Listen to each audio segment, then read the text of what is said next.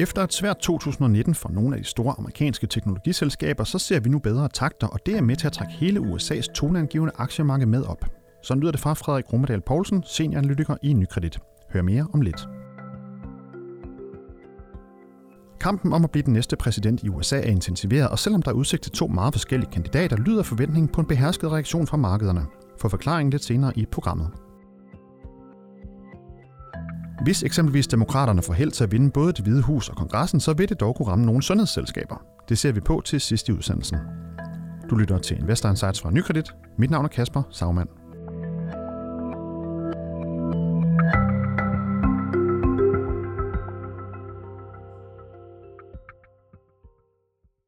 Efter et stærkt aktieår for amerikanske selskaber i 2019, hvor kurserne steg med omkring 29 procent, så er der nu overraskende gode takter at se blandt de børsnoterede virksomheder i verdens største økonomi. Det kan vi se under den igangværende regnskabssæson, hvor ca. 50% af selskaberne nu har fremlagt deres tal, der over en bred kamp har overgået analytikernes forventninger både på omsætning og indtjening. Det sker samtidig med, at den amerikanske præsidentvalgkamp nu er gået ind i sin næste fase med det første primærvalg, men hvordan er udsigterne egentlig for det mest toneangivende aktiemarked? Det ser vi på i ugens podcast, og derfor så kan du byde velkommen til dig, Frederik Rummerdal Poulsen. Velkommen. Tak. Senior analytiker her i Nykredit. Jeg øh, fik lige en øh, analyse her fra dig her for et par dage siden omkring øh, netop øh, den amerikanske regnskabssæson, hvor der står her, øh, at de store teknologiselskaber øh, trækker indtjeningsvæksten i S&P 500 ud af negativt terræn. Og S&P 500 det er jo det, man godt kan kalde verdens mest øh, toneangivende aktieindeks. Hvad, hvad er det, du særligt øh, lægger mærke til, når du ser på de her tal, der, der kommer ud fra, fra selskaberne i, i de her dage? Jamen i forhold til overraskelserne i den her regnskabssæson, der, der vender jeg meget blikket mod øh, teknologi, og det gør jeg, fordi at, øh, at IT-sektoren i USA fylder enormt meget, ikke bare når vi kigger på, på samlet værdi, men også, hvad kan man sige, andelen af den samlede indtjening i, øh, i S&P 500, altså det, det store selskab, øh, indeks derovre.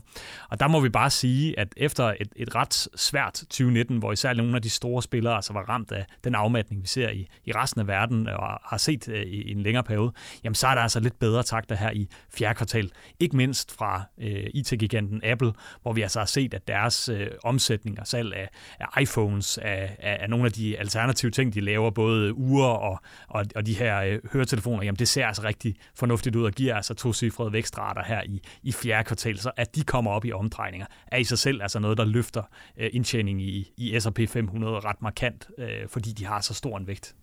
Ja, og, og, og så siger du også, at, at man kan sige, det er, men det er et mere generelt billede også, vel, som jeg forstår det, at det er sådan over en bred kamp, at, øh, at der egentlig er øh, en, en, en, en overraskende positiv øh, udvikling i øh, S&P 500. Hvad, hvad, hvad, hvad ligger der i det, eller hvad tilskriver du den øh, positive udvikling? Så man kan sige, at, at i forhold til, øh, til, til normalen, jamen, så, så er det ikke øh, unormalt, at, at, øh, at overraskelserne ligger på positiv siden i forhold. Det, det er sådan et generelt billede, vi har set igennem 2019.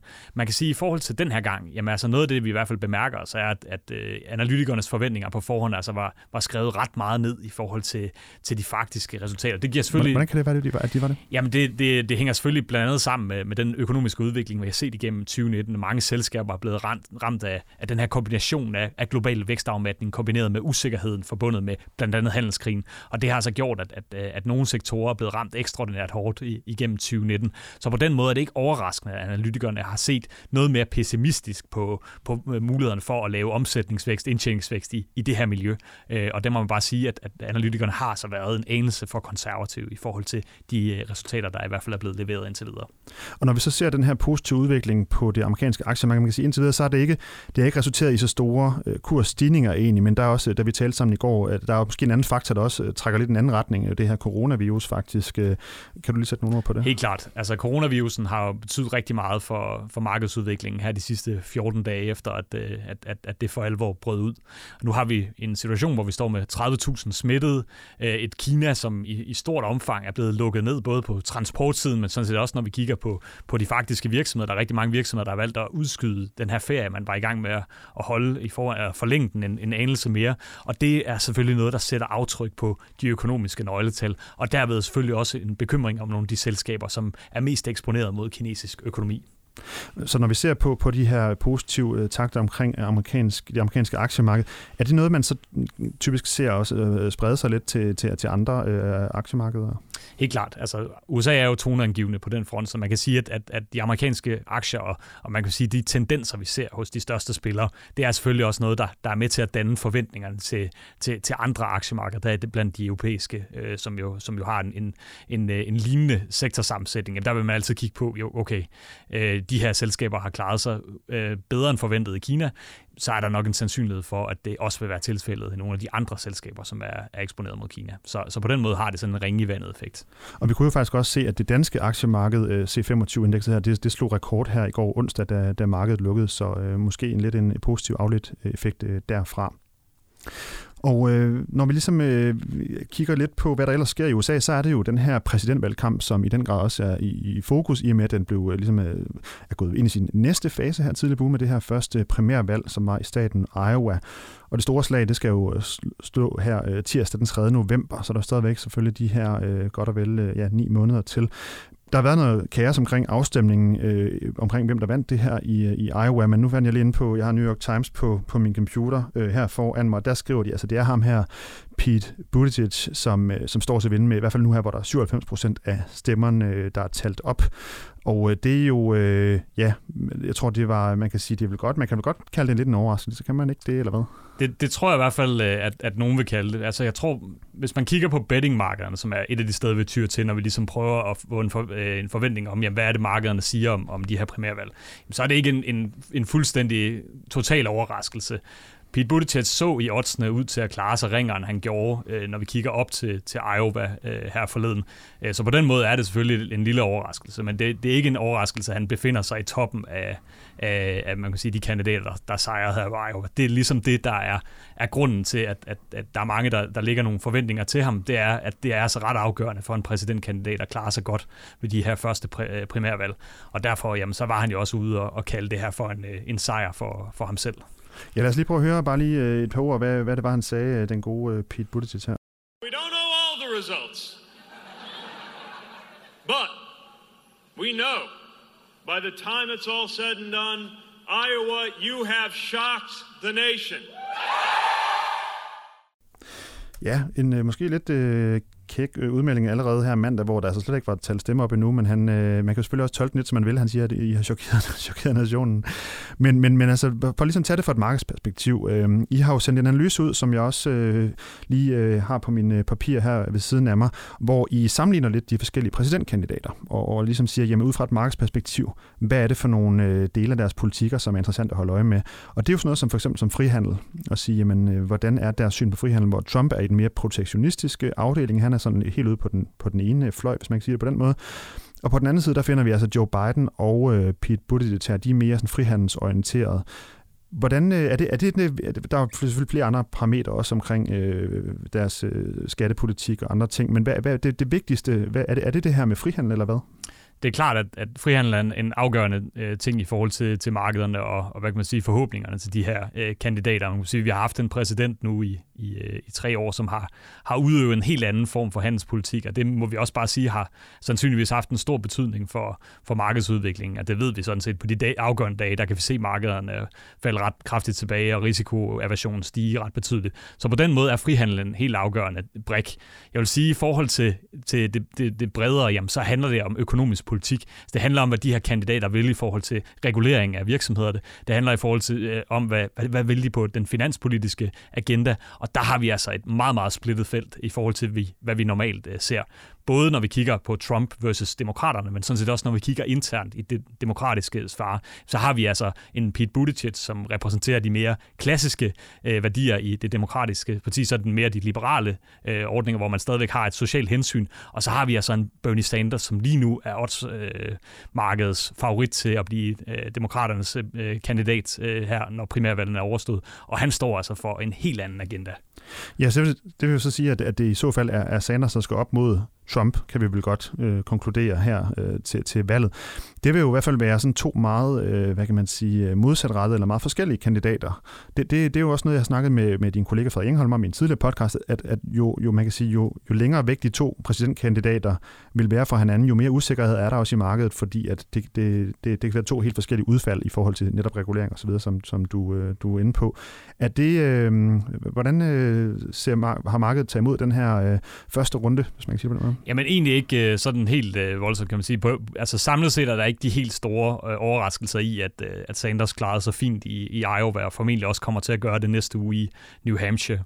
Jeg tror sådan set, selvom at, øh, at, at Sanders skulle gå hen og tage primærvalgskandidaturet, og derved, at vi kommer til at se et opgør mellem meget radikalt forskellige øh, visioner for den økonomiske politik via Trump versus Sanders, er jeg ikke sikker på, at det nødvendigvis er noget, der kommer til at, at trykke aktier i USA voldsomt ned. Og det tror jeg ikke, fordi det, der også tegner sig, jamen det er altså, at vi kommer til at se en splittet kongres i forbindelse med det valg, vi skal have den 3. november, hvor vi udover, øh, hvad hedder det, præsidentkandidaten, altså skal have udskiftet hele repræsentanternes hus og en tredjedel af senatet, jamen der peger tingene altså lige nu på, at republikanerne og demokraterne kommer til at dele i porten øh, i forhold til kongressen, og det betyder altså, at lige meget, om det bliver den ene eller anden øh, præsidentkandidat, der kommer til at tage, jamen så skal vedkommende altså stadigvæk, øh, hvad kan man sige, arbejde med øh, et, et andet parti øh, for at få sin sin økonomiske politik øh, igennem. Og det tror jeg er helt afgørende, øh, fordi det betyder altså også, at der er en eller anden form for vagthund øh, til, øh, til nogle af de mere radikale forslag, der kommer fra den ene og den anden side. Og, og når man ser på, på Donald Trump, så er han jo som, som nævnt øh, i den mere protektionistiske afdeling, hvad vi også har set med i forhold til den her handelskrig med, med, med tolvsats og så videre over for Kina, der, der har været en, en stor del af dagsordenen over de sidste øh, par år efterhånden.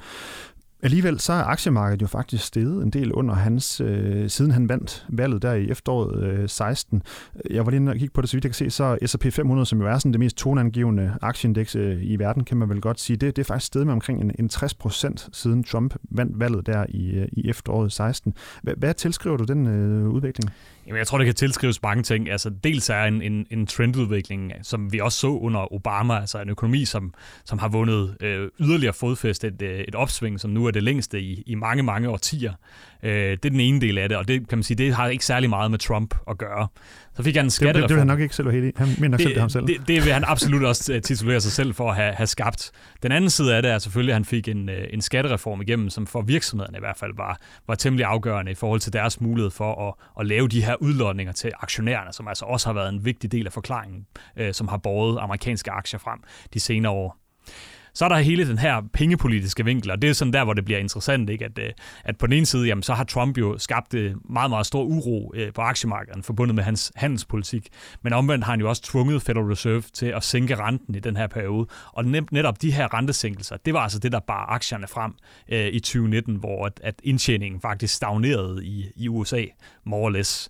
Så den, på den måde en ret interessant udvikling. Men jeg tror samlet set må vi sige, at hans, hans handelspolitik altså har været en negativ faktor for for amerikanske aktier. Det er i hvert fald min øh, øh, optik.